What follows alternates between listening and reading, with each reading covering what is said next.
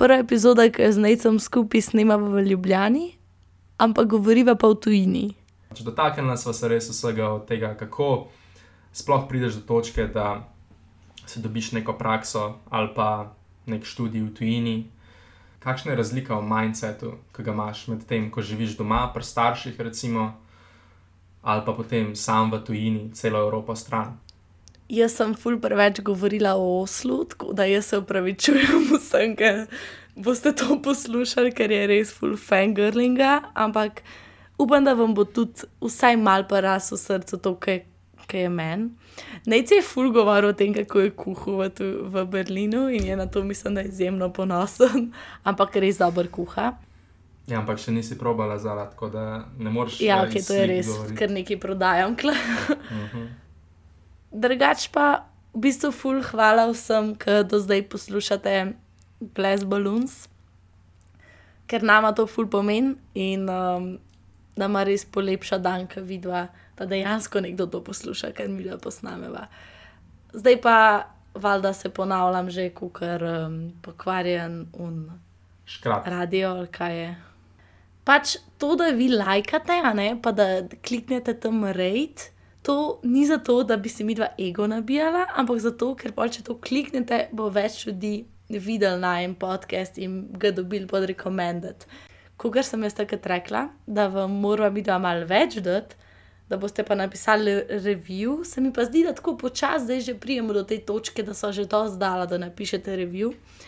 Um, ampak kar je pa še najboljš, je pa, da poznaš enega kolega ali pa kolegico, ki bi jo zanimal kaj tazga, kar se mi da pogovarjava, pa da ji pošel, naj ti ne bo bed. Um, lahko se ja. pa sam smejite, mogoče je ful smešen, da rečeva. še bolj bi pa nama ustrezal, če. Imate kakšno osebo, ki se vam zdi, da bi bila res tako primerna za prideti gor na podcast, pa da bi se pogovarjali ali z Alo ali pa z mano? Um, ja, za spoznati, če, če se komu zdi, mhm. da bi se fully hangal, pač ja. sam napišite, ja. gremo na kavo skupaj. Uh mhm. -huh. A res, ja. a sem fiks, da hočem. Ah, hm. Lej, bomo videli, se je prva se malo tako prek DM-ov pogovarjati, pa pa vidiš. to boš okay. ven zrezal. Uživajte v epizodi.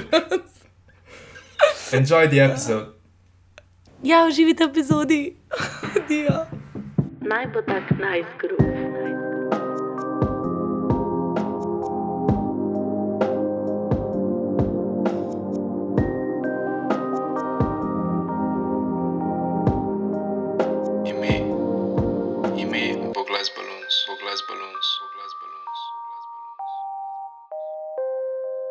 In Nec, kdaj si se vrnil iz Berlina? Ha, ja, se mi zdi, da je zdaj le 13 dni. 13 dni sem v Ljubljani. Ja. Bi rekel, da sem se prvadil. Sam tako, sem že vedel, pač precej prej, itak, da sem pač vrnil nekako na, na začetku avgusta nazaj v Ljubljano. Po mojem je bilo pretep malo drugačne, ko si bila pač v v Rusiji in je bilo vse zelo saden. Verjetno takrat, kdaj je bilo to, marca, kdaj se vrnila? Mm, ja, začetek aprila. Ja. Začetek aprila. Ja. ja, se mi zdi. Koliko prej si dejansko vedela, da bo šla nazaj v Ljubljano? Um, dve uri pred letalom. Oh, fuck. tri, tri ure, ja, ok, ono je bilo. tri. Uh, bilo je čustveni roller coaster soze, telefonski klici. Um, ja, ni bilo pač, a veš, kaj priješ pa domov. In še nisi niti predelal tega, da si šel od nekje, ker naenkrat moš tam zdaj doma se ustaliti. In jaz sem živela sama od avgusta lani, se pravi do konca marca, in kar naenkrat je okoli tebe cela družina, tako da mm, se je bilo za navaditi. Ja.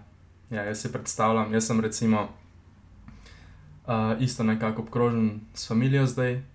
Ampak, kot sem rekel, sem se pač zavedal že prej, da se bo to zgodilo, ne? in sem imel lepo teh pet mesecev v Berlinu. um, in sem nekako probo izkoristiti čim več. Ampak si ja predstavljam, da če bi bil pa tako primoran po, po enem mesecu iti nazaj, takrat, ko sem se lišal tako nekako navajal na mesto in vse to, bi se pa tako full, brez veze počutil. Tako res, res mi ne bi sedel, pač biti nazaj doma. Ne. Mislim, čeprav sem imela pa perfekt zadnji dan, tako bolj popoln dan, sploh ne bi mogel biti. Uh, Lih sem se preselila v novo stanovanje, ki je bilo ful lepo in v centru, in sem bila cela srečna, kako zdaj bo moje življenje zacvetelo.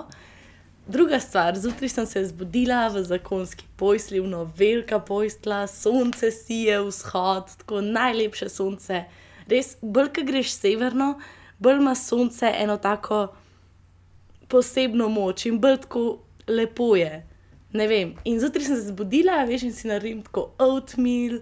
In si odločamo, da okay, danes gremo v eno kavarno, pa bom malo delala, pa grem pa popoldne v galerijo in prijem domov in si naredim kuinojne pol petke, in pa gremo v fitness, in pa zvečer bomo šli kaj ven. No, vse do tega zvečer, zvečer bomo šli kam ven, se je dejansko zgodil. Uh, in jaz sem se v bistvu ne vem, 30 sekund je manjkalo, da bi šla jaz v taksi, pa na uno žurko, dokler me ne pač ni mami klicala, da mogoče ne jaz razmislim, če je prišla domov, ker uh, bo Rusija zaprla meje zaradi korone.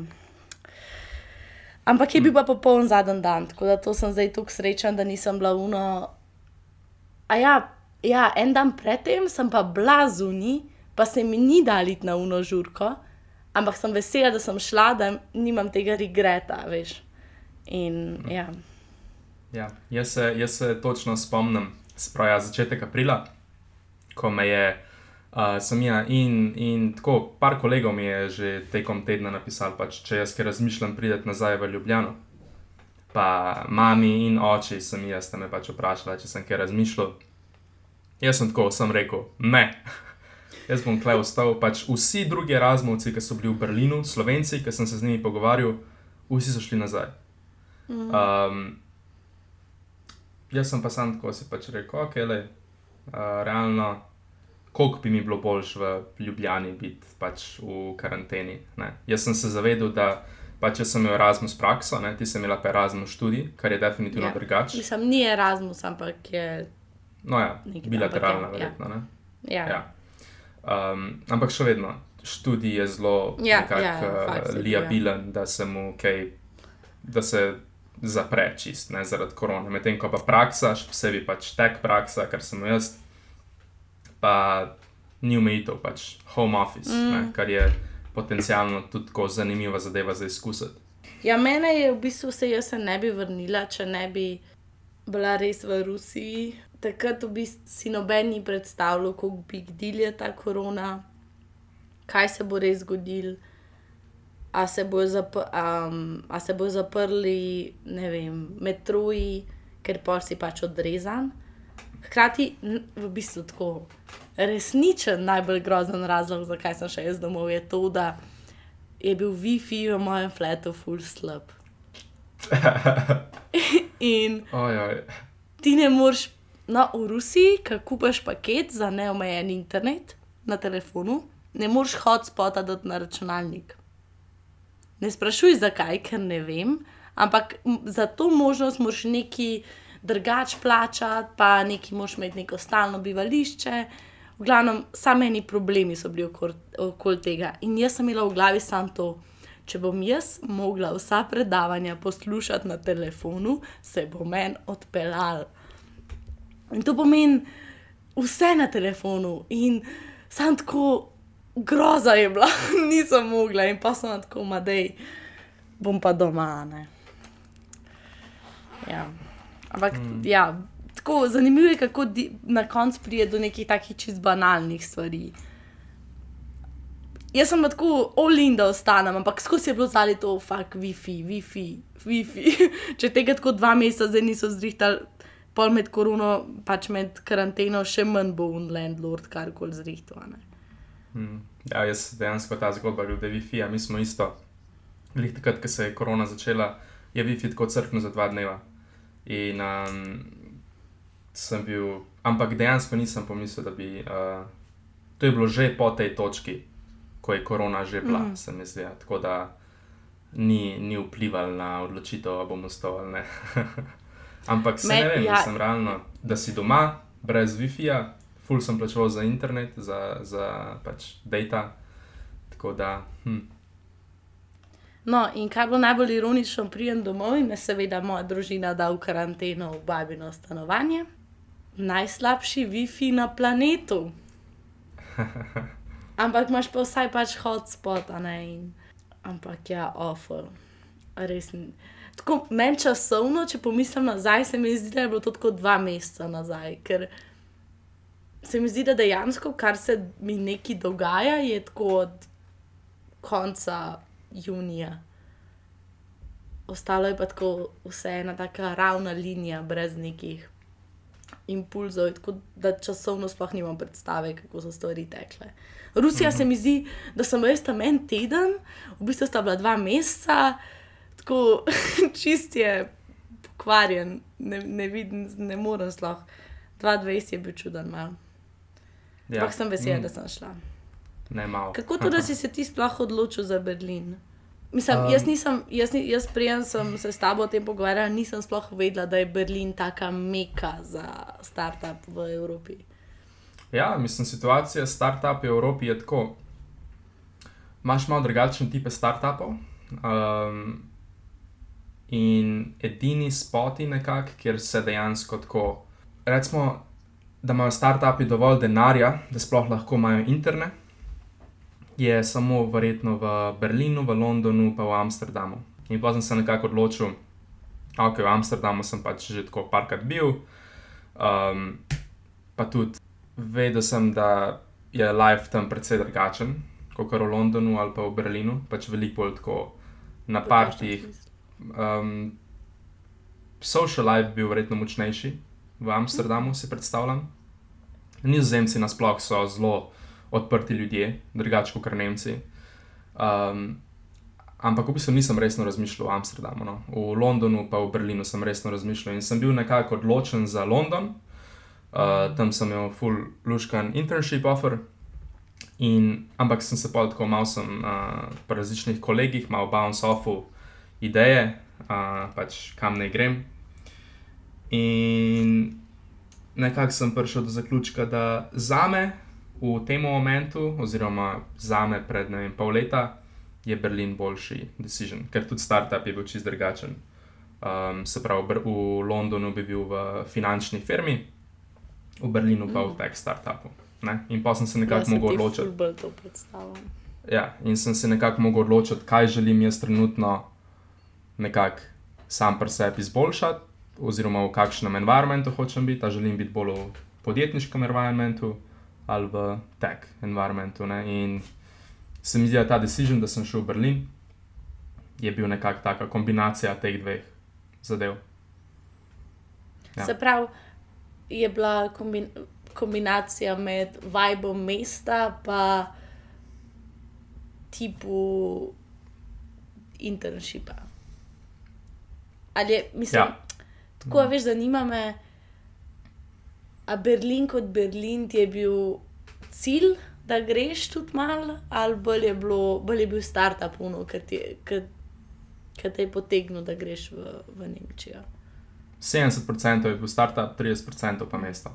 Tako bi rekel. Pri meni je bilo še... recimo ob, obratno za, za Oslo. Hmm. Pač jaz Ampak... sem šla zaradi tega, ker mi je bilo mesto to všeč. Ja, jaz bi rekel, da spet je mogoče malo razlike, študij pa mesto. Ne? Mislim, če ne greš na teh, ne vem, top 50 univerz, pol nekako nima spet tako močno veze, na katero univerzo greš, se mi zdi. Da. Ampak je bolj pomembno pač mesto zadaj. Še posebej, ko si v tem, um, če res študiraš, takrat pa imaš verjetno malo več časa za social aktivnosti, kot pa če delaš. A se strinjaš s tem? Mm. Ja, to definitivno, sam pol ne bi zbral človek norveške, mm. ki je drago. Ampak, ja, uh, ampak za potovanja, za tripe, pač te nature tripe je bila norveška kot sem videl po videih, pa slikah, uh, izbira. Sploh ne bomo začela, ker bom pa že samo o tem govorila. Ful sem vesela, da je ta cel podcast okrog tujine, ker zdaj lahko končno še v nezadnje kapljice teh mojih Erasmus zgodbic govorim in sem tako, o, še malo nadlegujem tukaj ljudi, ker ja. moji uh, kolegi že malo ne prenašajo več unga stavka. O, v Oslu smo pa to tako delali, ali pa veš neki. mm, ja, je pa tudi zanimivo, ker se lahko pač tako. Glede na to, da je epizoda v slovenščini, ne, vsi najni kolegi, mislim, vsi moji kolegi v Berlinu so bili, noben je bil slovenc, pač ker slovencev ni bilo več v Berlinu. Nisem jih jaz več najdel. No. Nisem ful neki aktivno iskal, po pravici povedan, ker sem jaz tako na Erasmusu, je cel trik, da se ti pa s folkom, ki niso iz tvoje kulture. Mm. No, um. dej, uh, dej pa pa tako. Dej mi ti povej, kakšen je, ti si bil Erasmus, plus, a, a je to, ja. se temu tako reče, Erasmus plus internship. Ne? Tako. Ja. Dej povej mi, um, tako, top tri stvari od tega programa, tako čist, čist program vezano. Čist popolnoma brez kakršnih koli. Uh, praktično brez birokracije, uh, brez ovir glede birokracije, greš lahko nekam v tujino živeti za cel semester, pa delati tam, pa služiti tak cash, kot ga služijo, uh, se pravi, folk, ki so na internshipih v tisti državi. Ne? Se pravi, če si v Nemčiji na internshipu, boš malo več zaslužil, kot če si v Ljubljani na internshipu. Um, potem to je ena zadeva, se pravi, brez birokracije. Dobesedno, jaz sem se odločil. Um, štiri dni prej, da bom to za zihar naredil, sem dal prošlo, čez en teden sem bil sprejet in je bilo to to. Zdaj, pri teh Erasmus študijskih izmenjavah je drugače, moš veliko prej narediti. Ampak, če se nazaj vrnem na Erasmus, se pravi, prva zadeva to, malo birokracije, praktično nič, vse ti pač univerza zrihta. Uh, drugi del, da lahko ti nekje v tujini živiš, praktično za ston, pa še nekaj cache boš zaslužil um, realno, ponovadi, se pravi, cel trik Erasmusa je, da ti dobiš funding strani države, um, kar ti po, ne, načeloma pokrije vse stroške, ki jih imaš. Se pravi, uh, za Berlin je bil ta funding 500 evrov na mesec, 550 evrov na mesec, nekaj tasga. Se pravi, to dobiš od države. Uh, če imaš kakšne probleme, glede uh, kakšne, se pravi, te, da imaš kakšno socialno podporo, dobiš seveda več, ampak jaz sem imel 550. Uh, eh, potem pa se lahko ti zmeniš s podjetjem, pri katerem pač prakso upravljaš, da ti še oni plačajo. Uh, ampak se pravi, to je pa tako, ponovadi ti bojo vsi hotel dati cash. Zato ker če imaš ti presep praktikanta, ki nič denarja ne kasira od tvojega podjetja, bo avtomatsko praktikant se manj trudil ti moraš dati neki incentiv, da, da bo dejansko delo. In uh, tako da te, seveda, po moje, večina uh, z veseljem vsaj neki plačajo. Ne, zdaj je pa pač tako odvisno od branže, se pravi, v dizajnu, pa v teku boš dobil malo več, v kakšnih bolj, uh, kaj so te humanitarian študijih, boš dobil malo, malo manj denarja. Um, tako da, ja, se pravi, če pa vzamem, ta prva zadeva, praktično nič birokracije, lahko se par dni prej odločiš, pa greš. Uh, druga zadeva, da lahko živiš nekje v tujini, praktično za ston in služil boš še denar zraven. Pa starši, staršem ti ni treba pokrivati tvojih stroškov, ker boš dejansko imel dovolj denarja, um, da, da prideš čez. Uh, tretja zadeva je pa to, da si lahko v bistvu ti čist sam nekako izbereš, kamorkoli v Evropi želiš iti samo moraš biti malo proaktiven, ne, se pravi, z iskanjem internshipov, pa moraš biti malo tako, mm. moraš imeti neke cake, ne smeš se zanašati na univerzo, da ti bo dala nek seznam podjetij, yeah. Ja. katerim lahko ti pišeš in da ti bojo oni zrihtali. Ker realno to je tudi tako, malo. Sem jaz glih ta, te glaven enjoyment je tako, da si ti narediš seznam parih podjetij, do katerih želiš priti, in pol nekako shekati svojo pot, da prideš v stik s temi podjetji, s kakšnim produkt leadom ali pa kaj. A ti si mailil, um, a si mailil uh, tem random startupom? Ja. Pa ja, takoj si omenil, um, a si takoj omenil, da greš, da si v bistvu, da boš šel prek Erasmus, Uh, to je v bistvu precej tako relativno dolga zgodba. Um, ampak, če jo pravim nekako poenostaviti, spravi, jaz sem originalno hotel iti v New York. Jaz sem hotel iti v New York na prakso v smislu Erasmus Plus za mlade podjetnike. Torej, ti imaš v tem Erasmus Plus za mlade podjetnike, je še en tretji. Se pravi, imaš ti normalen Erasmus, študijski, imaš Erasmus Plus za izmenjave v Evropi, pol imaš bilateralne pogodbe z univerzami, to, kar si imela ti verjetno v Rusiji, pol imaš pa še Erasmus Plus za mlade podjetnike. To pa v bistvu ti moraš imeti nek tak eh, nek side hustle, ki ti generira nek denar in, moraš, in ti si najdeš nekje v tujini, se pravi, to pa zauzema Evropo, vse njene bivše kolonije in uh, New York pa uh, sem jaz Singapur, če imam prav, pravilno v mislih. In ja, jaz sem si nekako New York gledal in sem si dobil prakso, v bistvu sem enega, hotel sem biti nek tak, uh, kaj bi rekel. Jack of all trades, uh, nek tak oseba, ki bi me lahko za karkoli uporabil, za enega uh, avtorja uh, enih non-fiction knjig, uh, Nir Ial, on je avtor knjige Hooked, ki je meni osebno tako pač res uh, nekako meka, kar se tiče uh, start-up, start-up situacije. Pa nasplošno, kaj, kaj pač. Um, ampak ja, ne bom šel v to. Se pravi, knjiga Hooked, avtor je pa Nir Ial.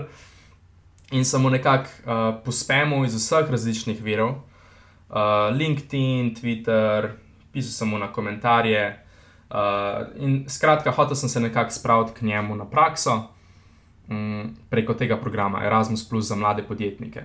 Ta program je pa v bistvu tako, da dobiš še večji funding, dobiš tam crka 1100 evrov na mesec, če greš v New York. Ker sem jaz mislil, da je tako, ok, to je tako, pač uh, povprečen slovenski salary. Um, in pa sem se, pa sem pač dubo prakso pri tem tipu, mi je rata se spraviti k njemu in pa sem se začela pač pogovarjati o o pač ceni bivanja. In ja, skratka, jaz ne bi mogel živeti v New Yorku. um, in pa smo začeli malo pogovarjati o kakšni, pač, da bi mi oni dali plačo, še potem zraven, ne, da bi lahko si dejansko jaz prvoščil bivanje. Um, pa smo se že začeli pogovarjati o, uh, se pravi, o, o vizi, um, kaj je pač nekakšen requirement, da ti lahko delaš v Ameriki. In potem je bil to tak cel nekak. Uh, Jumbus glede tega in smo se skupaj odločili, da ne bom šel jaz v New York. In mi je ta tip, Nir Ial, mi je dal par svojih kontaktov v Evropi, um, s katerimi sem v bistvu še vedno na vezi, in oni so me potem samo nekako tako. V, v roku enega tedna so me introducirali, po mojem, dejansko bi rekel, 30 startupom v industrijah, katere me zanimajo, pa v mestih, katere me zanimajo. Se pravi, tako, samo da so pač nek introduction, intro mail napisali, ker uh, nekako obem osebam pošljajo ta mail, in pa so nekako tako primorane, da odgovorijo, ne? če, če te nek tvoj kolega pač introduce nekomu. Mm, hudo, um, fuldober, fuldober. Ja, in, in tako sem potem nekako prišel na, na to točko, ker sem dobil dejansko oh, internship. Hudo, hudo, hudo. Ja to moram, to moram probati. Kaj končam, ja. kaj diplomiram. Mislim, lahko. Lah, uh, ja, ja, ja, definitivno sem jaz taka zadeva, ki jo lahko vsak naredi. Sam moraš biti tako, moraš se znati predstaviti, oziroma moraš znati povedati, zakaj bi bil ti koristen pač tej osebi. Ne, ne bojo te, tudi tako, oseba te ne bo hotela introducirati svojim kontaktom, če če ne vidi nobenega pointa v tebi. Ne? To je, ker da bi nek, ja, nek trash introducil svojim kolegom, ker se zdi, da je to. Honestly. ok, ok. Ja. okay. fulje, fulje skill rata to. Še bolj, kot je bilo včasih. A pa ne, ne bom tega rekla, ker to se mi zdi to klišejsko, ko vsi rečejo. Fulje skill to zdaj. Ne. Res je pomemben, da tudi da dojameš, da tudi, ki boš ti končal vso možno šolanje, da če ti sebe ne boš predstavil, se zauzel za sebe, povedal, kaj hočeš, ker on, oni nimajo časa se s tabo ukvarjati, kam bi oni tebe dal, niti se nočijo, ker bo itak prišel nekdo, ki bo tako, tukaj jaz manjkam in ga bojo vzeli. Ti si moraš, pa tudi če ne ve, glih to je zmotno. Vsi, ki to delajo, tudi ti, ki si to pisal, a si ti točno vedel, da si mojster tega, za kar si pol se zaposlil. Ne.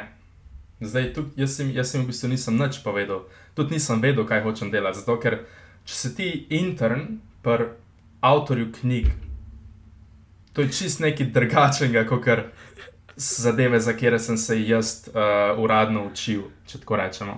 Ne? Jaz sem mm. v bistvu se cele zadeve lotil tako, da uh, sem povedal, s čim se jaz trenutno ukvarjam, on the side, se pravi, moji personal projekti, ne se pravi, event management. Yeah. Uh, povedal sem, za katere zadeve se zanimam, se pravi, knjige, etc. etc. In povedal sem tudi, kaj študiram. Nisem pa točno povedal, kaj, kaj jaz znam delati. Ampak sem ja to, če znaš na dober način predstaviti, s čim Svojo se ti dejansko tako ukvarjaš, svojo osebnostjo, potem te bo itak znal nekako uporabiti. Ne? In, mm. in to je ta zadeva, ki jih huka. Ker če jim ti greš začeti govoriti, Huka. uh, ja, ja, huka dejansko. Um, če jim ti začneš govoriti, kje je tehnologije znaš uporabljati, pa to, to ponovadi nikoli ni tako, no, bi rekel. Odvisno je, za kjer job se, za Ja, kjer ja. job se Ja. prijavljaš. Mhm. Ja. Ampak ful se da to pohekati, kako dobiti nek intro pri kakšni osebi, ki se ti mogoče drugače zdi, da je čist outside of your realm. Ne? In sem jaz full folka, še posebej v Sloveniji, se nekako počutijo, da, da to ne morejo nikoli priti do teh oseb, pač in pol, in pol grejo delati na internshipu, kakšno ne vem. A banko ali pa neke take res stara podjetja, slovenska, um, kar se mi zdi full waste, no, res. Kako se ti točno um, nekako odločila, da greš v Oslo? Um, imamo official story, pa neofficial story. Mene samo neofficial story zanima. Ok, ste v slovenščini, ste ni bed. Evo, točno um, to mi je, Um. to sem jaz razmišljal, da dejansko vsi, vsi ljudje, ki so jih nekako spoznala na tem Erasmusu, ne bojo razumeli tega podcasta.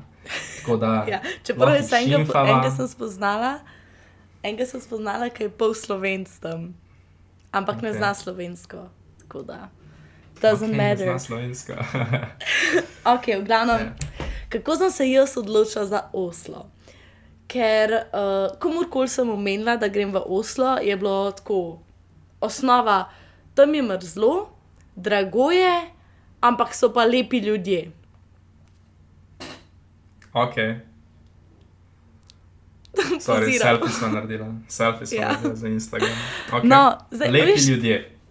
Lepi, Ja, nordic lepi. ljudje. No, čakaj. Ok. Okay. In tudi moji starši so bili tako pazala, mrzlo je, drago je, a si fik zahočeš to in jaz tako, ja, ja, ja.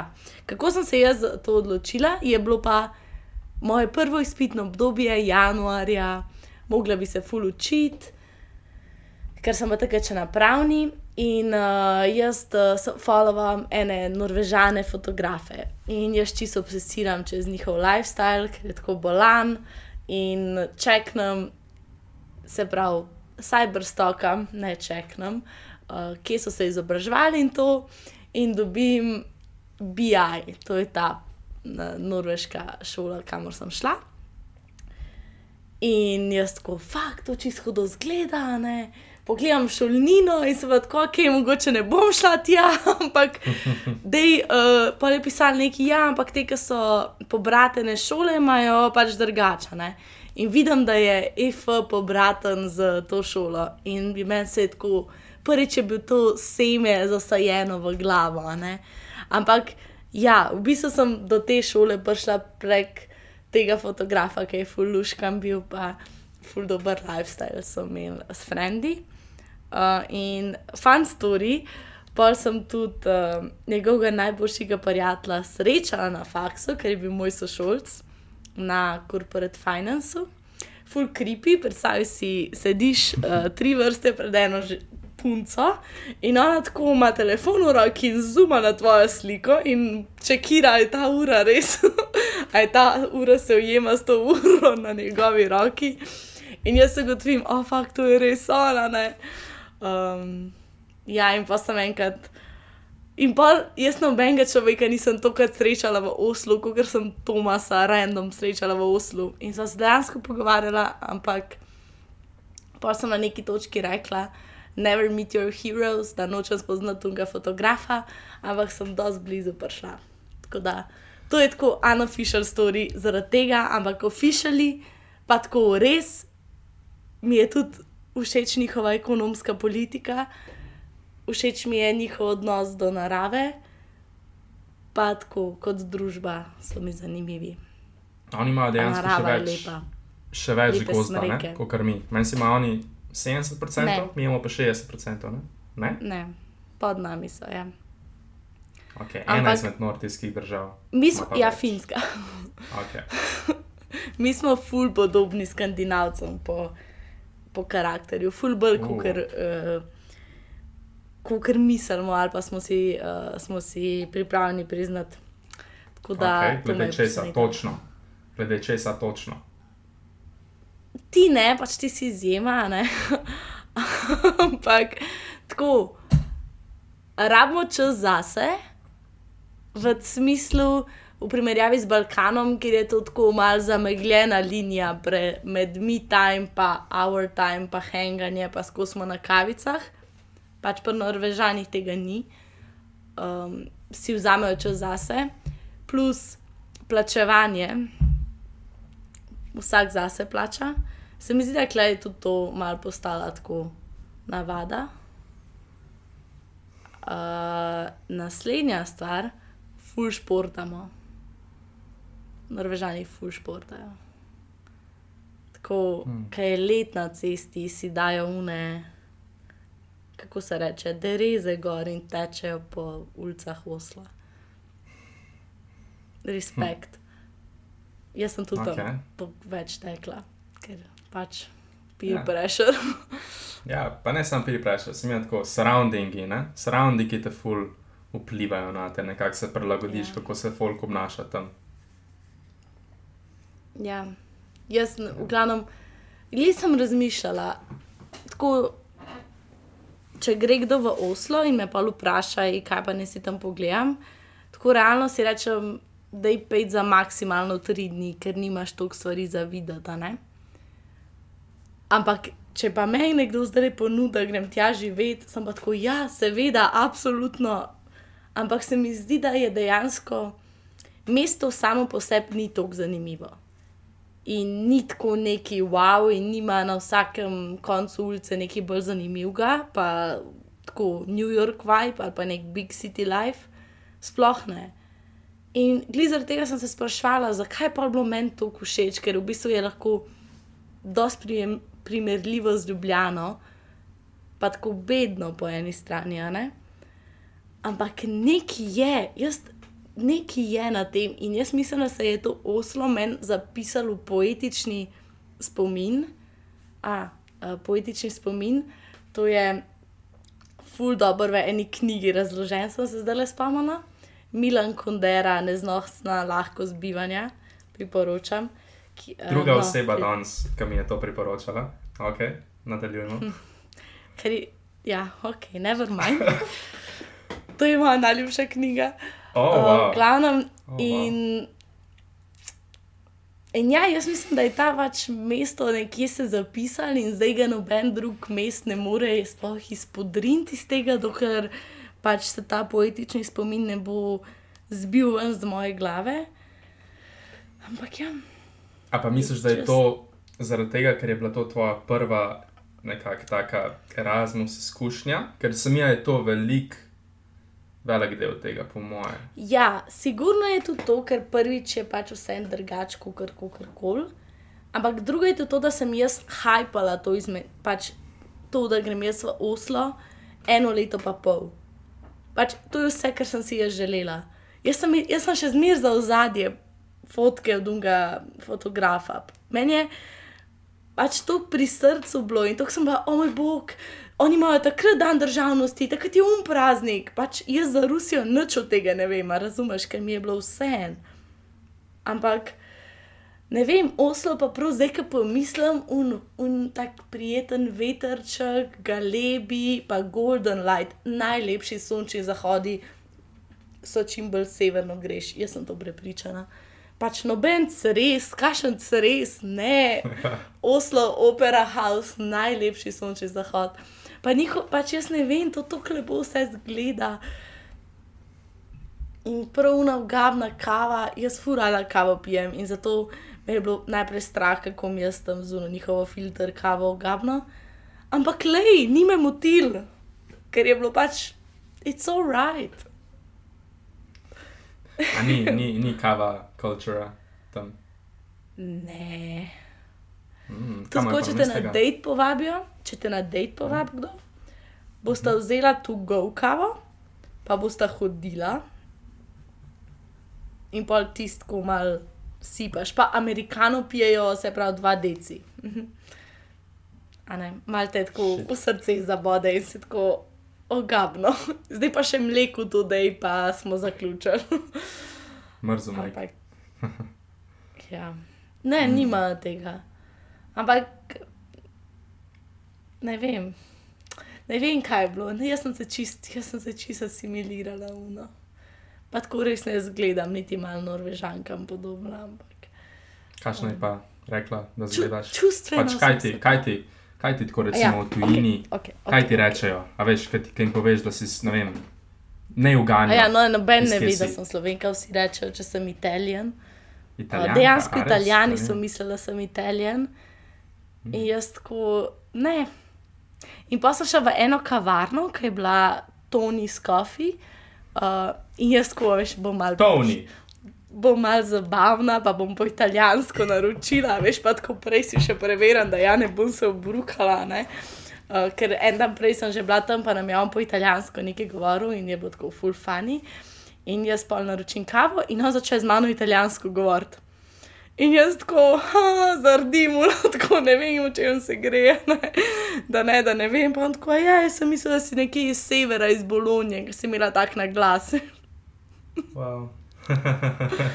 ja, tako da mislijo, da sem, da sem nekje tam, Italija ali pa Španija. Sam so rekli, da sem premalo nora, da bi bila Španka, tako da sem bila pa bolj pri Italiji. ja, se mi je se ti tako, ne bi rekel nasprot, nasprotje španke, ampak nasprotje španke. Ne, Ja, jaz ampak sem ja, ful po dejansko- karakterju. Po karakterju sem se ful z norvežankami ujela, ker smo tako dosti podobno. Hmm. Um, ja.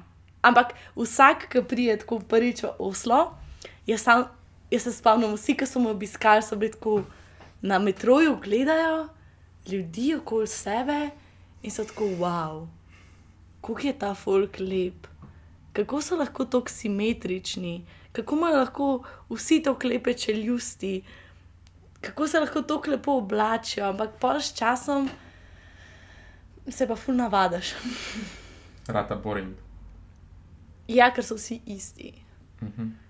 pa isto se oblačijo. Tako. Mm. Ampak vsaj No, bi se to- preselila tja. A bi se isto tako oblačila v koroni? Ja, ful mi je všeč njihov stil, ampak ja, aj gess, da bi se s časoma. Ampak bi vedno imela un svoj tak mal Italijanski čar. Tako, Severni italijanski čar. Se ja, direkt iz Firence, pa Bolonski čar. Mm, ja. ja, sem videl tako, recimo Berlin je pa čist drugače glede tega, ker Berlin ni, re, realno ni nemško mesto. Pač, ne. tako, uh, vsakič, ko smo se tako, ne vem, hangal, ko smo hangalke, če smo srečali Nemca, če je bil tako Nemc del družbe, je bil ukrat tako. Nekdo, ki ga ne pričakuješ. Pač. Nikoli ne pričakuješ, da boš Nemca spoznal v Berlinu. Vedno si tako, a ok, hudo, pač malo so tako, rare, rare breed Nemci, naše starosti, se pravi tako 22, 23, 21. Um, je dejansko dost, uh, ja, ne, ne precej pogosto, da ga srečaš. In Tako da nimaš tega nekega klasičnega berlinskega, klasične berlinske osebe. Edina jaz zadeva, mislim- kar. Ja, povej. Sorry, jaz mislim, da je to dostko. Vedno v uni državi, ki si na izmenjavi, une ljudi ful težko, domačine ful težko spoznaš. In jaz sem, jaz sem se res trudila, da sem Norvežane spoznala, ker ne vem. Sprašujem vse ljudi, ki to poslušajo in so bili na izmenjavi, a ste imeli na kakšnem faksu predavanja, tri predavanja, how to make friends in ex country, ker mi smo imeli v Oslu tri taka predavanja. In ti že tako malo misliš, pač pa kaj s tem folkom na robe, če je to problem se z njimi družiti. Pač ni. Realno so nam, so nam slovencem ful podobni, ker jaz na faksu tudi ne pristopam. V resnici ne pristopam do svojega soseda, tudi če je slovenc ali pa tujc, pa ga vprašam, o, oh, ti si pa nov tukaj, a ne? In fur zanimivo, potem sem v Rusiji spoznala enega Nemca, ki je bil v Sloveniji na izmenjavi. In mi je rekel, da je bil šokiran, koliko smo mi zaprti, v smislu, da je ful težko spoznal slovence. In tudi, ki jih je, so bili zelo taki določeni odnosi, a veš, mi smo skupaj na faksu, po šoli se ne bomo družili. In me je to presenetilo. Tako da, ja, Berlin je pa sploh tako multikulti mesto. Se mi zdi, da je point, da si international tam. Ja. In to, kar ste rekli, glede slovencev, jaz se noro strinjam.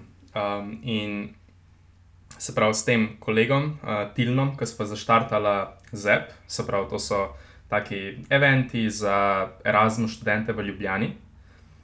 Um, sva z raz, pros, točno s tem razlogom nekako to zaštartala, ker nam je bilo tako bedno, da Erasmusi v Ljubljani hangajo samo z Erasmusi. Slovenci nikoli ne bojo pri njih pristopili. In tudi Erasmusi ne vejo, kako do Slovencev pristopiti, ne glede na to, ali so skupaj na faksu. Ker Slovenci pač nikoli ne bojo prvi na česa rekli in je full to bedno. In prav te naši eventi so točno s tem razlogom. Se pravi, Ja. da smo delali neke kulske spote, ker se lahko spoznajo med sabo. Ne? In je full hudo videti potem na Instagramu, ko dajo uh, kakšno sliko gor, kakšen izmed mojih slovenskih kolegov, ki se prej ni hangal z Erasmusi, ampak je začel hangati z Erasmusi, z neko grupo Erasmusov na naših eventih in pa so zdaj dejansko kot kolegi in se obiščajo en drugega v Evropi. Kot pač naši erasmuski kolegi iz, iz, uh, recimo iz Osla ali pa kaj, ki so prišli do tebe, ne? un en, um, kaj že bil. In to mi je tako hudo in to se ful strinjam, da Slovenci smo taki zelo specifični glede tega. Medtem ko pa Balkanci, po mojem, niso, mislim, ostali, ostali balkanski narodi niso to. Mogoče so Makedonci malo podobni nam, se mi zdi, da. Malo bolj kot kar ostali. Ja, ne vem, Ne. mogoče. Ne vem, Ne. ampak je dejstvo, da, da, ni, da je zelo normalno, da v bistvu, ko greš na izmenjavo, se z domačini najmanj hengaš. Um, ker največ norveških prijateljev, pa prijateljev, kar imam, sem jih spoznala pa v Rusiji. Ker so bili bolj odprti in bolj, ki priješ v tujino, a veš. Tam si na novo, sam si, iz noč greš. Ti se moraš odpreti, da se ne počutiš osamljenega in da spoznaš ljudi. In to tudi njih mal iz um, gnezda venda. In na tej točki, kako bi rekel, da ravno to, kar sem rekla, to, kar začneš iz nule. Kakšen ti je bil to občutek? A veš, ka, a veš, v feeling, ki prestaneš z letalom, oziroma ne vem, kako si šel v Berlin in tako zadihaš v zrak, in si tako, I'm free now. Ja, ja.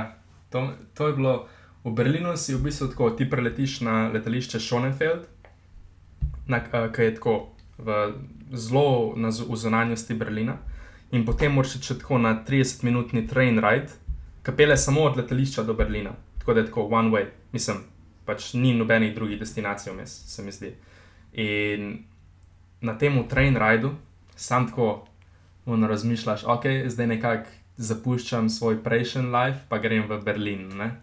Um, in mi je bil ful všeč ta train ride. Tako ful je bilo soparno, se spomnim, jaz sem imel vse kočke na sebi.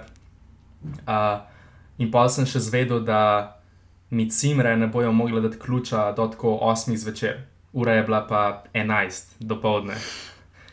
Um, in jaz sem imel pa vse kočke na sebi, pa dežvali. In pa sem si nekako mogel zafilati prvi dan in sem nekako tako, full vesel, da se je to zgodilo, ker je bilo potem deset dni kasneje, je bila pa korona ne, in nekako nisem imel prilike raziskovati Berlina. Tako da sem ta prvi dan res na polno raziskoval. Tako v vsakem distriktu Berlina sem nekaj drugega naredil. Tako da, full, tak, fulski prvi dan. In pa sem lepo na koncu dneva, sem lepo spoznal cimre, um, lepo šel pa tu, šel na en sprehod okoli tega mojega, um, mojega distrikta, pa lepo šel spat. da, Jaz sem isto day. iz letališča, iz letališča priješ z vlakom v, v Oslo.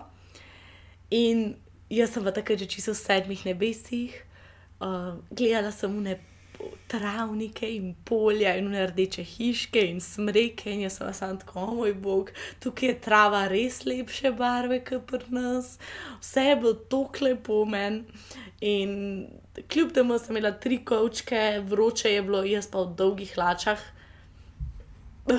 avgusta, a veš, kaj misliš, ne, se bo prijetnih 25 stopinj, ne, 35 jih je bilo. In na drug konc mesta id po ključe in gura tu nekočke do fleta, grozen, grozen, grozen, kašna je bila una pot. Ampak meni ni nič motil, jaz sem bila čisto v enem honeymoon face, pač mene, una kar res, ki si na začetku razmenja in te nič ne mot.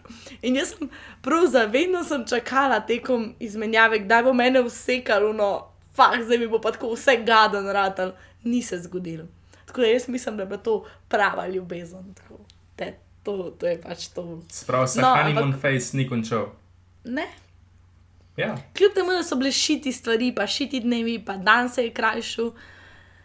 Sam ne vem, pač tukaj je vse bilo meni fajn. Da... Plus to, sem jim ful veliko dejstvo je tukaj, da se že od začetka zavedaš, da je ta tvoj cajt leta imiran. Ej, sam se ti kar ustal, a se ti ne ustal čas tako? Povej, mislim, razlož. Je tako, recimo, jaz, ki sem prišel tja, meni se je zdelo, da bom jaz večno tam. In meni je v njih štiri mesece, mi je full dolg trajal. Čeprav so hitro minili, se mi je zdelo, da je bilo tako celo leto, ni bilo tako. Ker hkrati se mi zdi, da vse odnose, ki jih narediš, eh, zgradiš, Jaz sem živela en teden sama, pol je pa pet fantov prišlo, s petimi fanti sem živela v stanovanju. Izjemna izkušnja za, za dozoret v smislu uh, pospravljanja in tega res. Uh, tudi jaz prej nisem veliko hodila ven, uh, pol pa, ker pač živiš s petimi takimi, ki so bolj uh, ekstravrti in tako skozi bi nekam hodili, nekam bi šli, sem se še jaz uh, malo navadila tega ritma, tako da to sem ful ponosna. Ampak tok si več časa skupaj, da se ful globje tvoji odnosi. Zgradijo in se v primerjavi z nekimi prijatelji, ki jih imaš lahko tri leta, si lahko tam v treh mesecih na isti točki, ker časovno toliko časa porabiš, uh, mislim, vsi skupaj, kot kar un 10,000 hours, da si mester nečesa. Ne vem, meni se tako zdi. No. Ja, in to, ki si rekel, da se ti nekako zaostal cajt, okay, dejansko se strinjam, zato ker toliko stvari se ti dogaja skozi, pa nimaš nekega mental escape, recimo, kar kle v Ljubljani, pač hangaš s kolegi na, na srednji, recimo, pa greš pa domov k staršem. Ne? In imaš tam tak nek refuge od tega normalen, mislim svojega, um, nekako dan se ti razdeli vedno na pol. In tudi, koliko si ti dejansko tako mentalno upleten v to, kar se dogaja, na, glede tvojih kolegov, ki jih imaš v srednji, pa to je čist drugače, kot če si ti na izmenjavi, ker dejansko to je tvoj life. Ne, to, to je ta life, ki ga ti živiš, te 4-5 mesecev, da hangaš s folkom, in tako imaš še en dan, ki si sam ampak še vedno toliko bolj si nekako povezan z njimi, pa tako nekako na istem wavelengthu, ker greš vsi čez isto zadevo. Ne? Jaz bi to dejansko full primerjal s tem, kot da gre oseba v vojsko. Ja. Pač danes se ne hodi več v vojsko, ne? mislim, vsaj v naši državi. Ne, Norvežani hodijo, pa švicarji. Ja.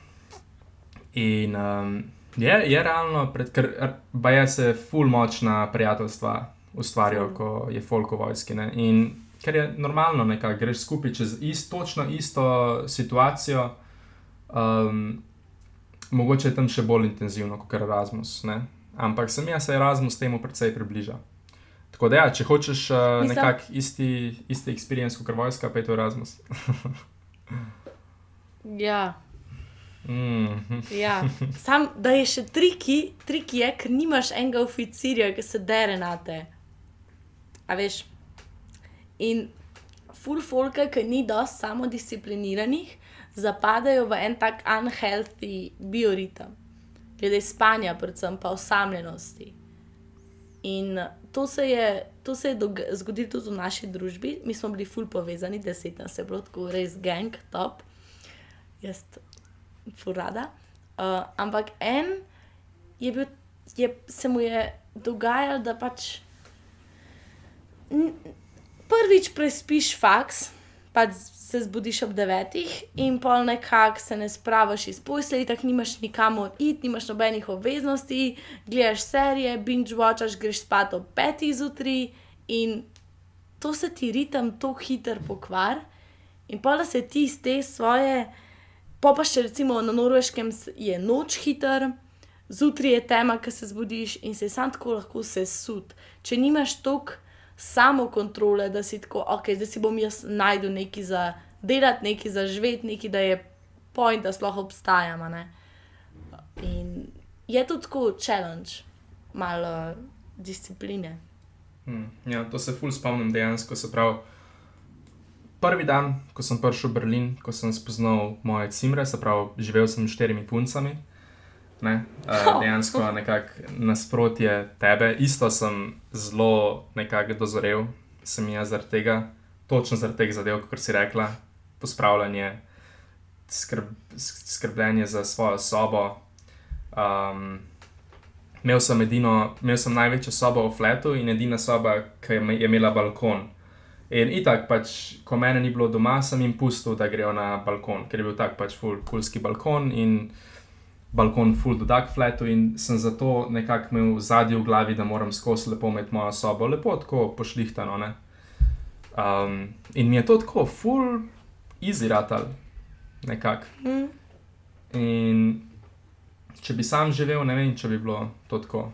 Ampak ja, to je v bistvu trajalo samo tako prve dva tedna, da sem imel vse štiri cimre pri sebi, uh, pol sem bil pač sam, ne, dva, dva meseca pa pol sem zdaj, ker so vse te cimre mislili, da, da bo korona nekaj ful bolj problematičnega in so šle živeti nazaj domov. Tako da sem nekako imel cel flat zase. Aha. To, kar si rekel, glede, glede navada, ne, čistko pospravljanja. Meni se zdi, da pa, ki sam živiš, nekako ne podzavestne vrednote, ki, si, ki ti jih doma probojajo uturiti v glavo, jih začneš podzavestno delati. Jaz nisem imela nikoli razmetane sobe, nikoli nisem pustila posode, da se mi je čez noč zasušila. Čeprav doma mi je največja muka v predponu, recimo potem, ko jajca spečem. Mami, če to posliša, ve. Po mojem, sem ali zdaj pozabila. tam pa tako, tam sem pa res projena, una od Boga poslana, čistilka, vse sem imela pospravljeno. Koliko sem jaz težila, ne, nisem težila, cross dead, to bomo katali v nog. Po žurki. A veš, valjda smo bili mi unflat, a veš, mi smo bili unflat v celem študentu, ker se je vse dogajalo. To pomeni, da vsak petek ali pa sobota je bila naslednje jutro svinjarija po tleh, uno, ogaben za liman. Jaz sem samo enkrat pucala tla, ker smo mi to tako razdelili vloge med moje drage cimre, jaz sem pa pač ostale stvari, ne vem pobrisala mizo, kaj ta, kaj tasga. Ampak ne vem, to mi je bilo vedno tako simpatično, da smo vsi bili, vsem je bilo ugabno živeti v, v nečistem. In čeprav doma mogoče ne bi bila tako, ne vem, oh, bom zložila obleke tako, da bo prišla sušilca, bom dala opred tako, da bo tako, ttt. Ne bi bila tako, tam pa, ker sem sama živela, pa nekako vse to, kar meni so doma govorili, je prišlo v akcijo. In zato vem, da ker sama živim, v bistvu mi bo čisto kul, cool, noč ne bo teži. Ja. Ja. Ja. ja. Kaj, Jaz pa, se. kaj pa, kaj pa nec, uh, biti sam v tujini? Mm, biti samo v tujini. Zelo podobno, kar si ti rekla.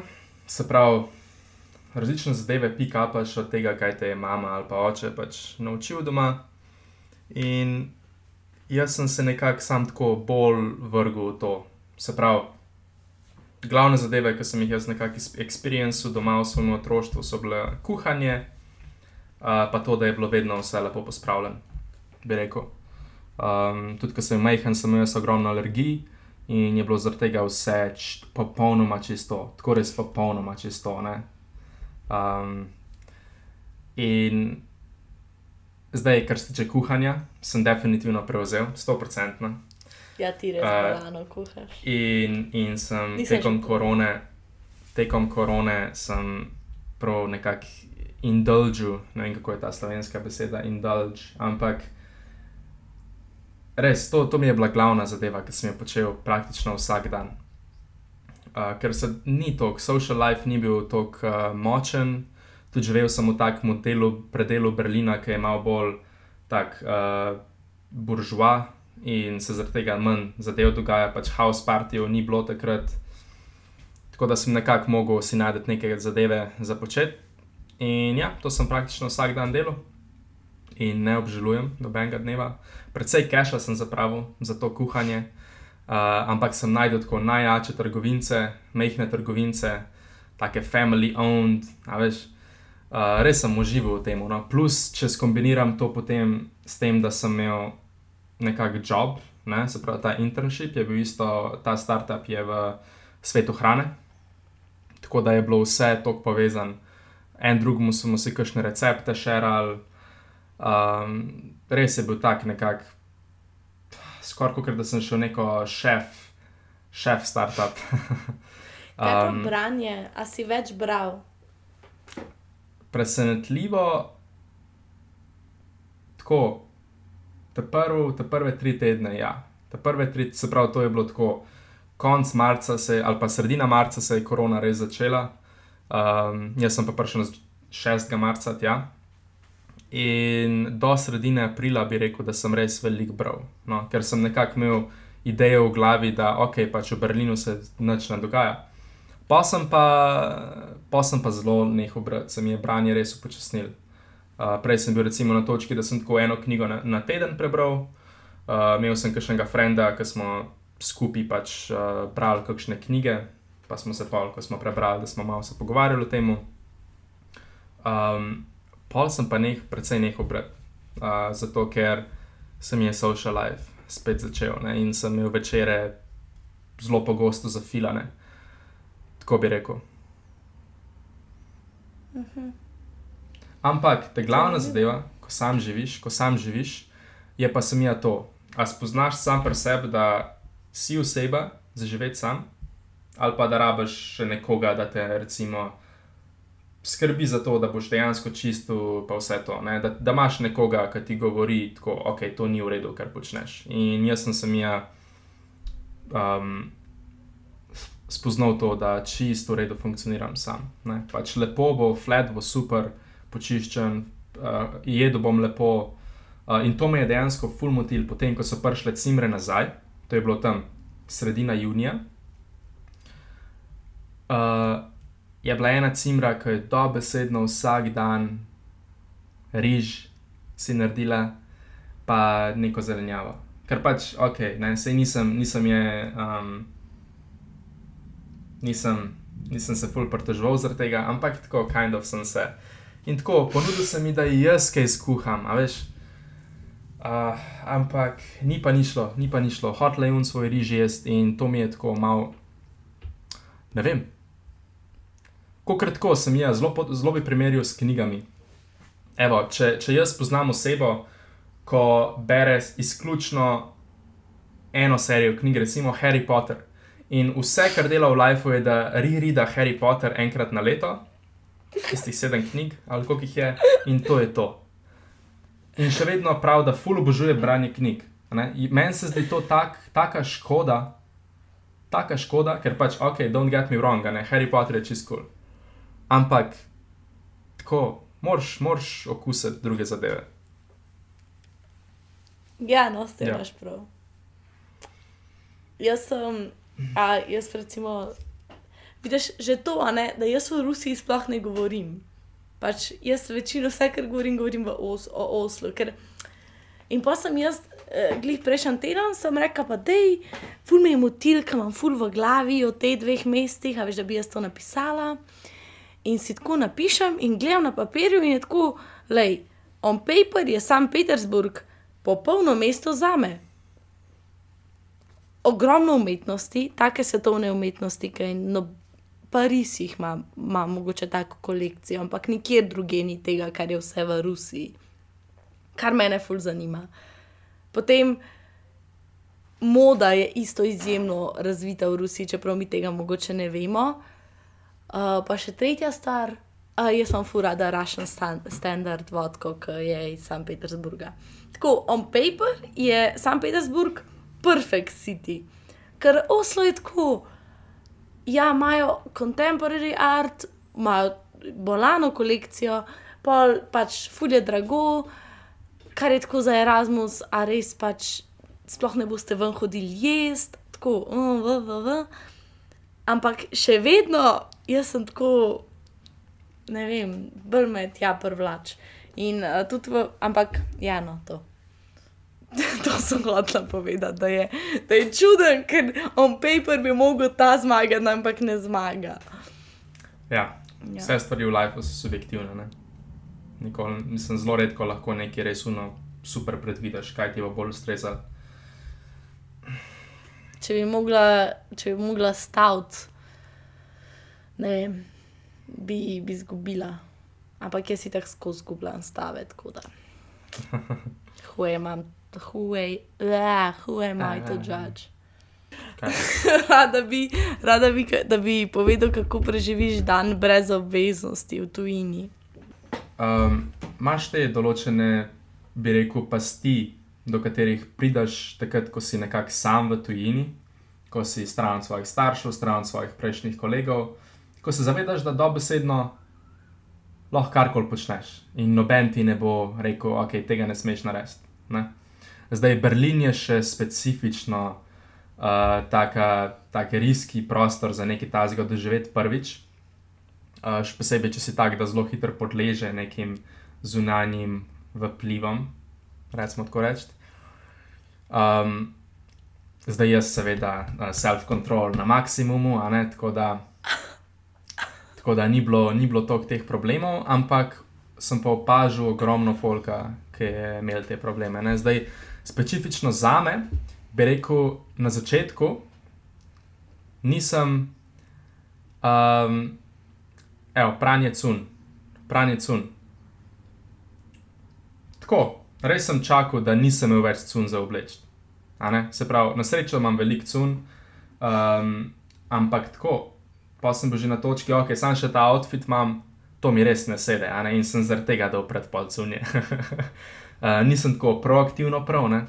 Uh, in to je ta zadeva, ko je bila nekako, bi rekel, mm, ena izmed teh glavnih. Pol še ena zadeva, ki mi pade na pamet, je to, da lahko si pač v posli do ne vem, 11, še posebej, ko je bil ta home office. Ne? Pač delal sem za startup, ampak in pa sem imel tako, kakšen dan na začetku, ko sem dobesedno, ja, ok, bom jaz lepo iz posla delal, a ne. In tako uno, ima maksimum komfort, res, res ti sede, a ne, ampak opaziš sam pri sebi, pač, da to, to ni life, a ne, to res ni life. Um, in ja, se mi zdi, da je, je bila korona super cajt za te zadeve spoznati zgodaj v lifeu.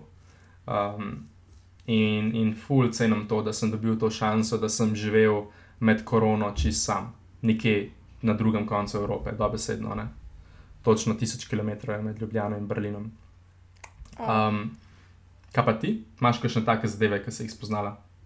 Jaz sem to ful analizirala in sem ugotovila, da tako daleč stran od doma sem bila, ampak sem se vračala k enim svojim vzorcem, mogoče iz otroštva, ki jih doma niti, ker so tako globoki in imam jaz tako bizi dneve, ne pridejo na površje.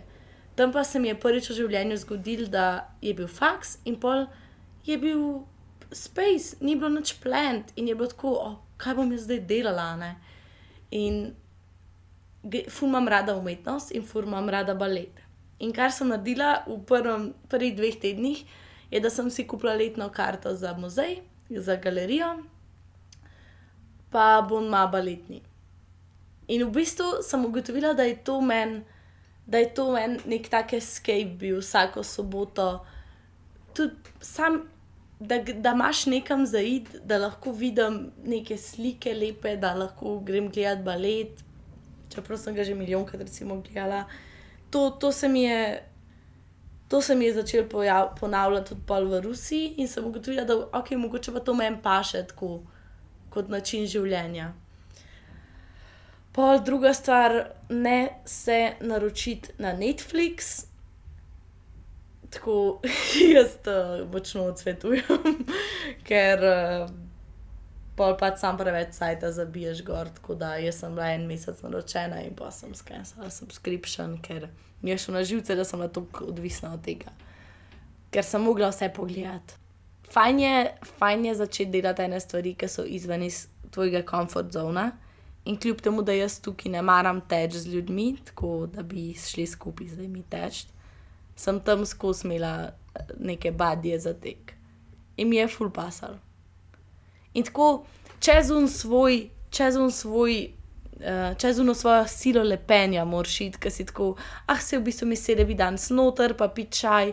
Ne, ne, ker ne veš, kaj bo jutr. Ne veš, a, je zadnjič to klepo vreme, pa naslednjič se ti ne bo dali tja, pa mogoče boš kaj srečo, mogoče boš kaj videl na tistem delu mesta, ki še nisi bil. Sam pejt, samo no, pejt. Če, če nimaš kaj za delati, pejt vam pa hod, pa prehod celo mesto, pa nekaj bo že iz tega. Se mi zdi, da to, da, da, sem, da sem se porsila iz tega iz komfort zone, in mi je ful pomaga. To ja. za me velja tudi pomeni za žurat, ker. Mm, neskončno število krat sem jaz tukaj v Ljubljani, tako ima ne da, pač ne da se mi. Raž bi spala. Ne. Tam pa enkrat nisem šla ven, taki regreci so bili, ker so mi, plus to, da so mi potem fanti pred mojimi vrati zgradili tako stolpi svežega časopisa, ki so ga nakradali okoli po poslovnih stavbah, ki je bil še to pozutri. Naredili so cel nek trejs do hladilnika, ne vem kaj iz smokjev, pa so po celi moji uh, vratih nekaj sporočilca, posti dali in rožo. Da, ja, ne, nikoli nisem bolj več skensala, pa sem še vedno z njimi. Hmm. Druga, hmm. Ne bi rekel, da sem bila druga oseba, bila sem sam bolj jaz. Hmm. Se mi zdi, da se ne spremeniš kot oseba, sam bolj potencirano si ti ti. Tako da to bi rekel, da je mit, kar reče folk, da, da, se, da se v tujini čisto spremenijo. Ne, sam to si ti. Ja, to je samo glavna, glavna posledica zaradi tega, ker nimaš nobenih ljudi, ki te res poznajo in pričakujejo določeno obnašanje od tebe, in pol se res lahko obnašaš, kot koli želiš, ne? in si točno. Sam pa je pa spet pač vprašanje, kaj, kaj pa realno pač si ti. Ne? A, a, a, je, a je resničen ti tisti, ki je okoli folka, ki te res pozna, ali tam, ker te noben ne pozna, ker si lahko malo drugačen. Smija tako.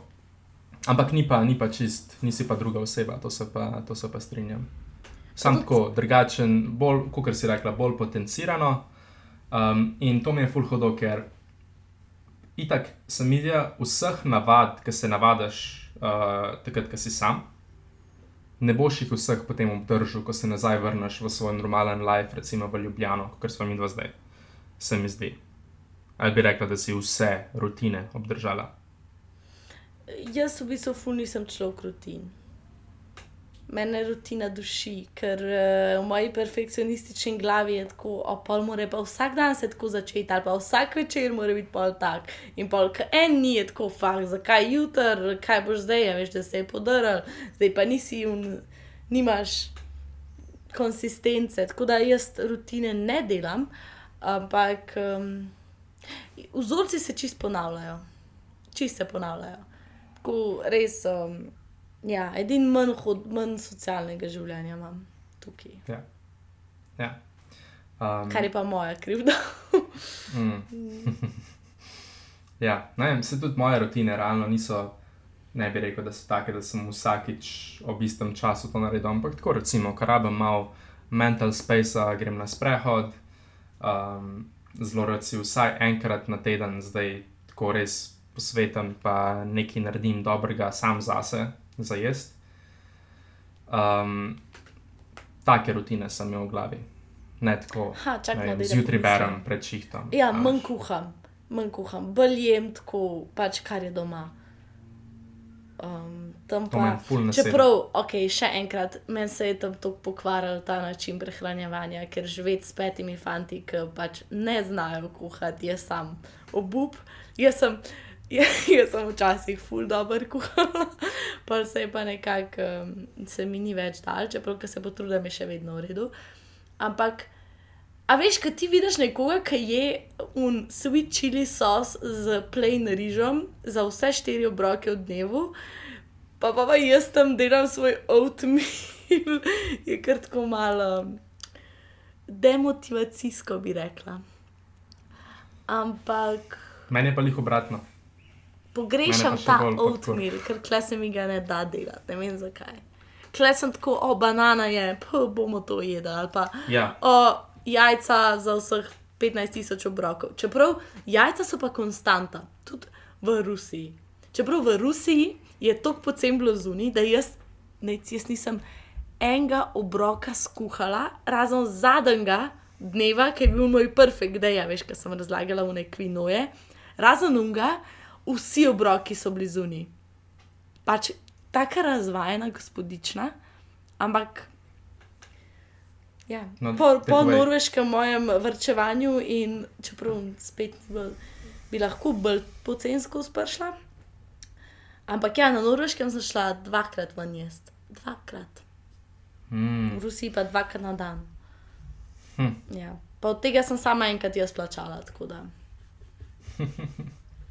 ne, Ful- mene je pa Ful sem začela ceniti to, da pač tukaj gremo tako v kavarno in si naročiš toast in ti ni bed. Tam Mm. pa skandinavci tudi, ki imajo, ker si tega ne bodo naročili, ker so tako. Zakaj? Zanimivo.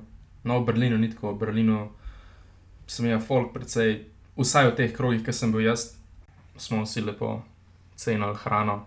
In tudi ta zadnji mesec, ko so se dejansko zadeve na polno začele dogajati, um, je bila hrana, sem jaz sem večino zunaj jedel, čeprav stane tako, ljubljanski standard. Um, Ja. Ampak Čeprav to sem pa fulbol, recimo, kle sem tako.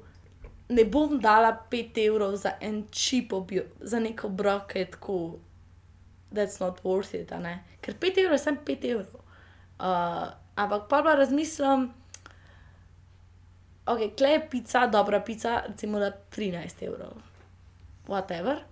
Na norveškem je pica um, med 15 in 20, za 30 evrov pa ti imaš že tako večerjo v eni top, lah, top restauraciji, lahko že tako blizu Mišelinove zvezdice.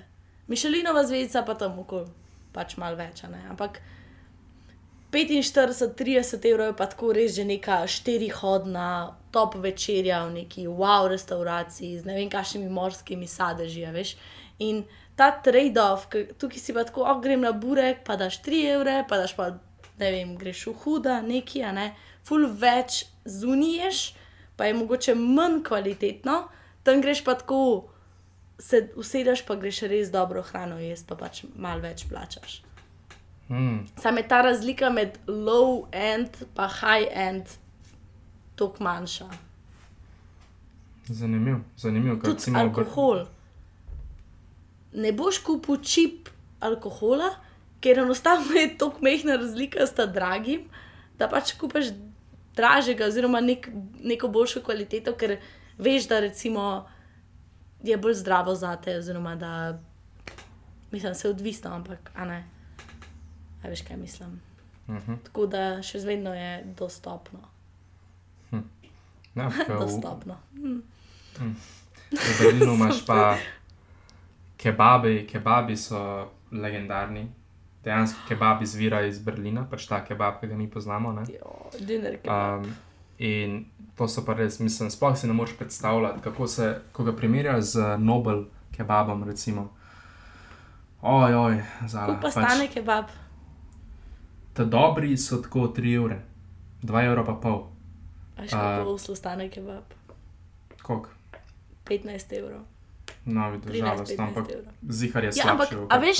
Ti ne boš šel kebab jesti, ko greš ven jesti. Ti boš šel pač neko dobro hrano, suši boš šel jesti. No, evo, Berlin je zato, Berlin dobesedno se bogat folk meša z res takim pač nižjim slojem ljudi.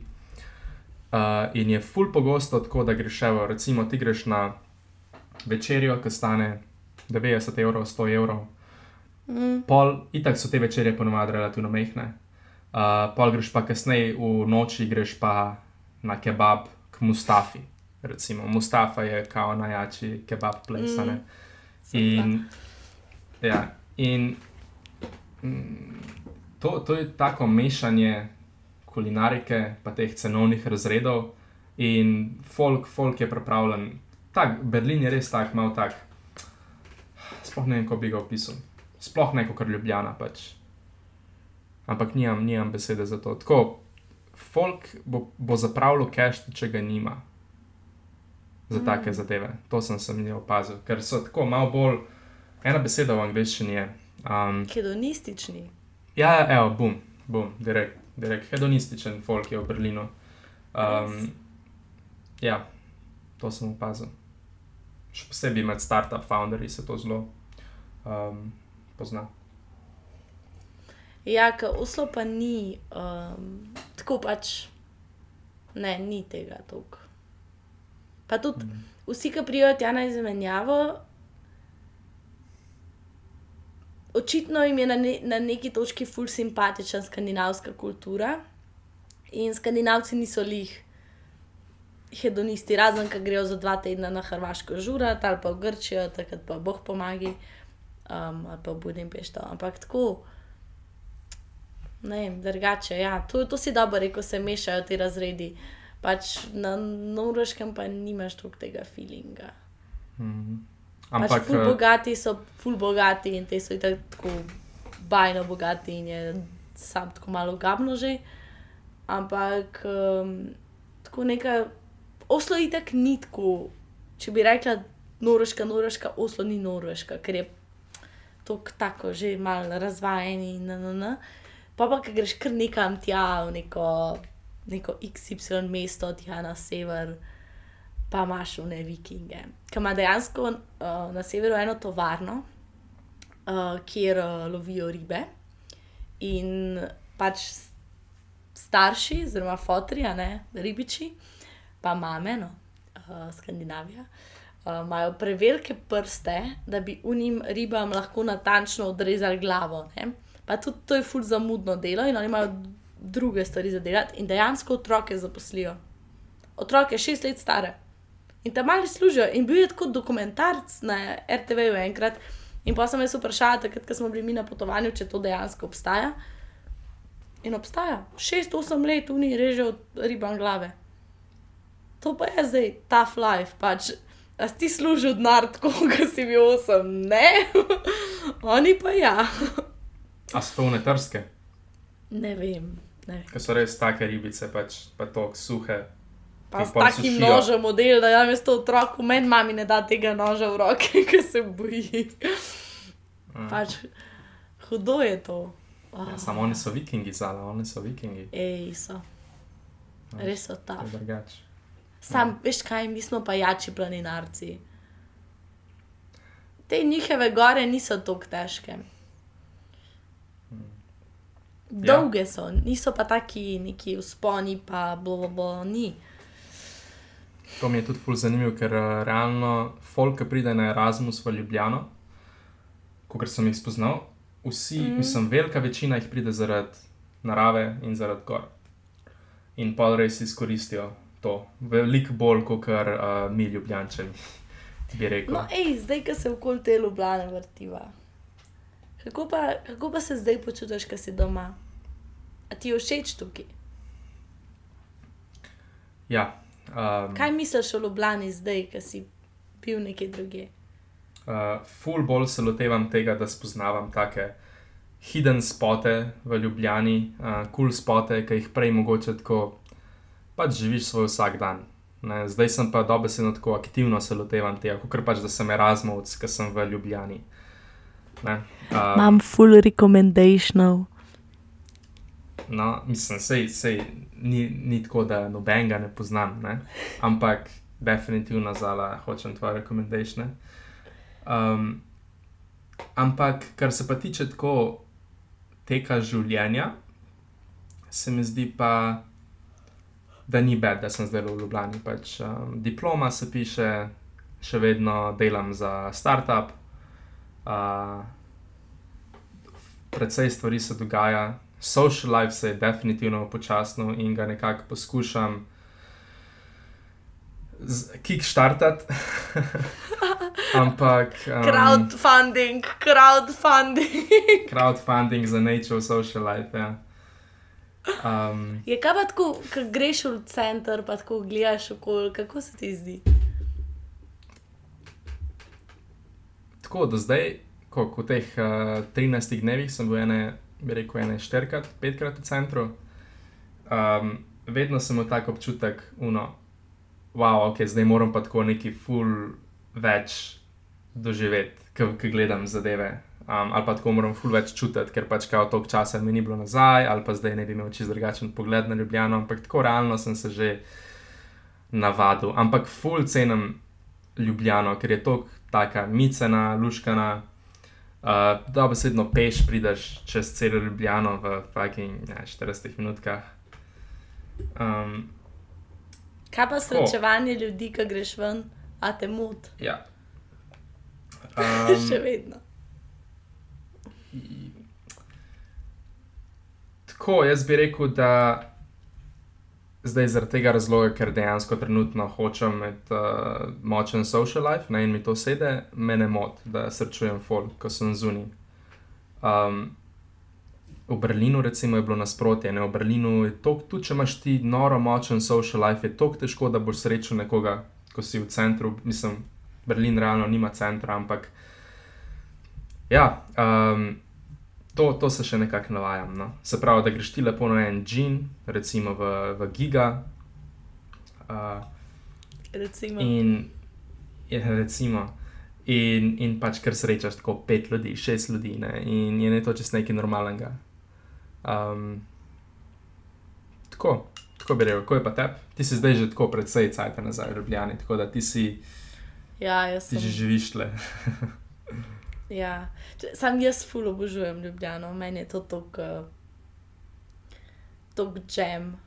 Ampak to sem, recimo, jaz en let nazaj, jaz prijem šla v Oslo, sem tako mal hejtera, ne tako. Uh, vedno grem ven in nekoga srečam, ne morem iti normalno nikamor, jaz zato ne hodim ven v klub, ker mi je bed, ker bom koga srečala. v resnici pa pol, zdaj skozi vse to sem pač, ko vidiš ta tuja mesta, pa vidiš, kako je. Pa recimo, veliko ljudi ima o, Sloveniji percepcijo, da je nekako bila pod Rusijo in pod Sovjetsko zvezo, jaz ne vem kako, ampak pač imajo to. In ko vidiš enkrat Rusijo in vidiš ruralno Rusijo, si tako, da ne bi enkrat še kdo kaj tasga rekel, ker mi smo tako čudovita država, amazing. Mesta so eh, to klepa, mi imamo, Ljubljana je to klepo mesto.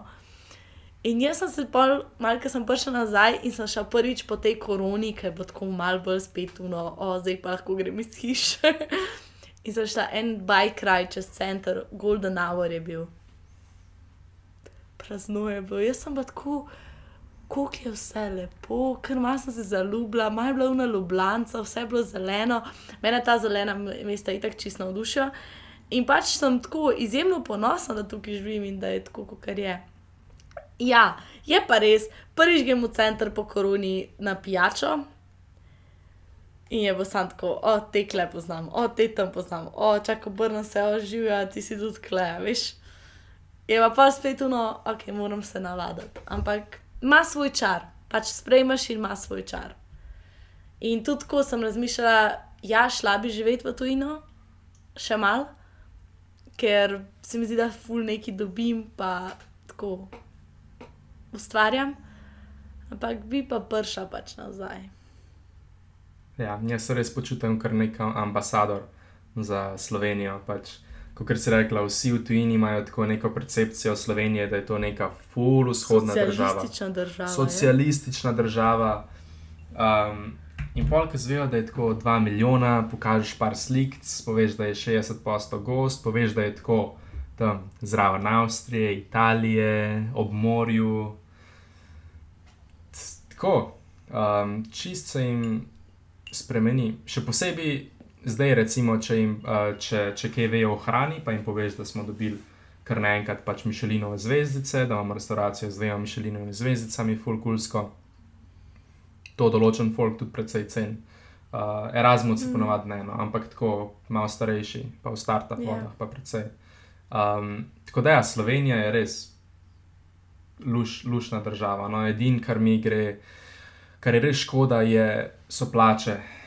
Ne, ker je pač strošek bivanja je relativno podoben kot v Berlinu, recimo, plače so Za pa Ljubljano, ja. plače so pa žalostne. Mm. In pa tako razmišljaš, pač, ok, ne glede na to, koliko ti je všeč Ljubljana, a se ti splača kariero zgraditi v Ljubljani.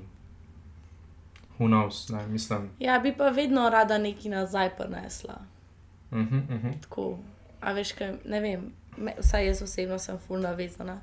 Pa tako, mene je ful presenetil en mehičan, moj rumi v Oslu, je vse vedel o Sloveniji.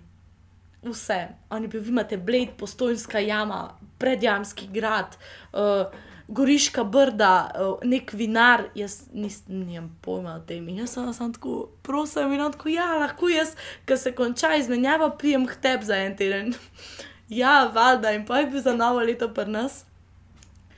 In evo, še en, še en tak moment. Ti priješ iz izmenjave, ker se ti največ dogaja. Priješ nazaj v Ljubljano in ne hote greš v iste tirnice, ki si bil prej. Vsaj meni se je to zgodilo. In pa pa je prišlo novo leto in sem vedela, oh, pride, uh, pride en rum iz sama. Ne? In takoj se mi je mood spremenil in je bil tako, ah, hudo, on je kle, zdaj bom jaz to predstavila. In New Year party, pač mi nismo neki ful, tako, je bilo mediokri, recimo, a veš, nič posebenega. Ampak ker je bil on tam, smo šli pol na kongresa in tako krv nek, a veš, jugorok. In on, njemu je bilo najboljš, mi smo pili no, uh, kuhano vino, kar neki, ampak ne vem, bilo je pač to, to dobro. In njemu je bila Slovenija noro všeč. In zdaj mi skozi pošilja fotke, kaj bi on še videl. pa prvič sem takrat vozila z avtom izven Ljubljane v postojno, tako da preživela sva. Avto pa tudi. Ja, to, ki si rekel, da zapadeš nazaj v te rutine, ki si jih imel prej, Ja. pred Erasmusom. To je tako strašljivo. Pa če sem zdaj v tem času, ne? pač 13 dni sem tle. Um, Uja, prelomnice. ja, res mi zelo paše med tale podcast, res mi uh, všeč mi je, da imam folk, s katerim lahko hangam v Ljubljani, ker če pa teh dveh zadev ne bi imel, bi pa jaz rad zdaj nek pro-gamer, po moje. Diplomo bi pustil. Uh, šu, ja, res. In um, da, hvala, hvala, um, Ni za kaj, hvala vsem. ni za kaj, ne, ni za Ja. kaj. Še Mhm. kdaj. ja. Ampak, ampak- uh, kar pa tudi ful cenim, je, da toliko Erasmusov poznam v Ljubljani.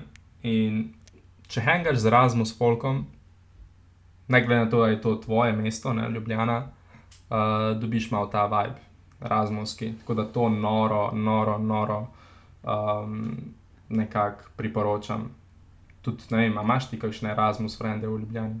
Jaz si tako en Um, let nisem, a veš, tukaj študirala in sem malo zgubila, to so šolci.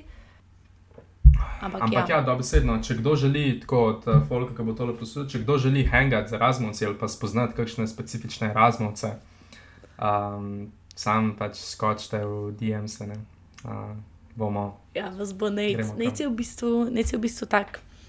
Dating app platforma, on vas meča z, a pa ne dating app, tako friending app, platforma, mečaš z. Potencialno oboje. A Tako, moraš si vi poslati. Recimo Bumble, ne? se pravi, Bumble, pač lahko se odločiš, ali hočeš BFF ali hočeš. Ampak ne, ne, BFF, samo BFF iščem, mislim, mečam.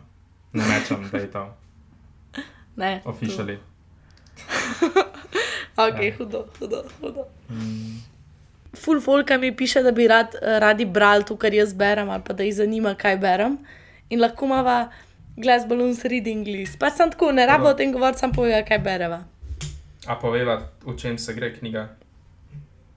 Zakaj nam je kul? Cool? Jaz te bom vprašala. Okay. Ne, zdaj bom jaz uvedla novo rubriko. To sem vedno hotla.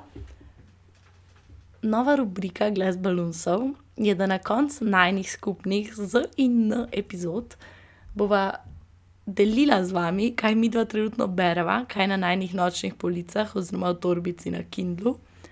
Zato, hm, zakaj? Zato, ker se jaz kdaj fulovim s tem, da iščem neka priporočila knjig in mogoče pa komu pride prav, pa glih išče eno novo knjigo. Uh, berem Let My People Go Surfing od founderja uh, PP, kako je? Patagonija. Patagonije. Tako. Uh, knjiga je business book, ampak ni business book, ker ta model je vse, sam biznismen ni. In je zanimivo. Tako malo je filozof, zanimiva je njegova življenjska zgodba, uh, ki je tako. Njegova filozofija v življenju je bila, da bo pil vodo iz vsakega ribnika, ki lovi, ri- uh, lovi ribe, pa američanje. In on je toliko sranja iz te vode popil, da on misli, da je zdaj odporen na vse strupe. Tak človek je napisal to knjigo, tako da ful je, luda knjiga je, ker je ful avanturist. Pa plezo je, brez da bi bil, se pravi, prosto plezo je po nekem ledeniku, ki je prvič plezo v življenju na ledu, pa je kar nekak šel. Tako, ja. Nekaj, kar jaz nisem, pa, pa to berem, pa malo bolj tako se počutim. Uhu. Ja. A Hkrati berem pa še eno priporočilo ene punce, ki študira umetnostno zgodovino od Gombriha, The Story of Art, ki je pa tako mičkam bolj uh, knjiga za študirati uh, art history. Ampak ja, to je trenutno. Kaj pa ti bereš? Samo, preden grem na, moje, uh, na mojo knjigo, uh, se pravi ta uh, Let My People Go Surfing. Ful mi je fascinantno, da mu njegov board pusti delati vse te avanturistične zadeve kot CEO, ker pač to je, to je taka liabilnost. Ne vem, če je še CEO sploh. A, ok, ok. No, pol je, pol je bolj razumljivo. Um, no, skratka, moja knjiga trenutno je pa Sophie's World, se pravi so, Sofijin svet. Um, tako, Zofin je v prevodu, ja. kako? Zofin je v prevodu. Se mi Z zdi. zajom. Ja, sej so govoriš o tej filozofski knjigi. Ja, ja. Mhm. Um, zdaj, mene nasploh uh, filozofija tako relativno zanima in vseh teh različnih filozofov sem že tako precej uh, nekako bil. Uh, sem spoznal precej zadev okoli tega, ampak nikoli nisem šel tako res globok v večino. In ta knjiga te res tako na full dober način nekako popelje čez cel razvoj filozofije, pa zakaj sploh to obstaja. Pa ka- kako je to doprineslo k človeštvu, pa nasploh zakaj je boljš, mislim, zakaj je super za tako vsakdanjo osebo, kot smo jaz in ti, um, da vsaj malo razmišlja o filozofiji in da potencialno se potem lotiš kakšne dejanske filozofske knjige, potem ko prebereš um, Sofijin svet. Tako. Je na lušen način napisana. Ja. A veš, da je to učbenik za filozofijo na švedskem? Wow, a prav tako otroke. uraden, mislim, Ja. vse je realno. Ali? Prav o tem sem razmišljal, pač tako bi bilo ful lepo v otroštvu nekaj tazga dobiti v roke. Ja, to je, to je bila po mojem ena taka prva bolj resna knjiga, ki sem jo prebrala, ki mi jo je mami dala. Pa prvič je ne dojamaš tako, veš, ker si še vseeno otrok. Pa pa, kaj eno knjigo večkrat prebereš, jo vsakič na drug način dojamaš. Meni je to fulu všeč. In kat, evo, to je to. Hvala, ker ste poslušali tokratno epizodo. Če poznate koga, ki bi ga podcast zanimal, dajte mu poslati link. Če še niste subskrbeni, se prosim, dajte. Če se vam pa zdi, da je to, kar zalo počneva, resnično kul, cool, pa stisnite rating in review, res pomaga. Classy.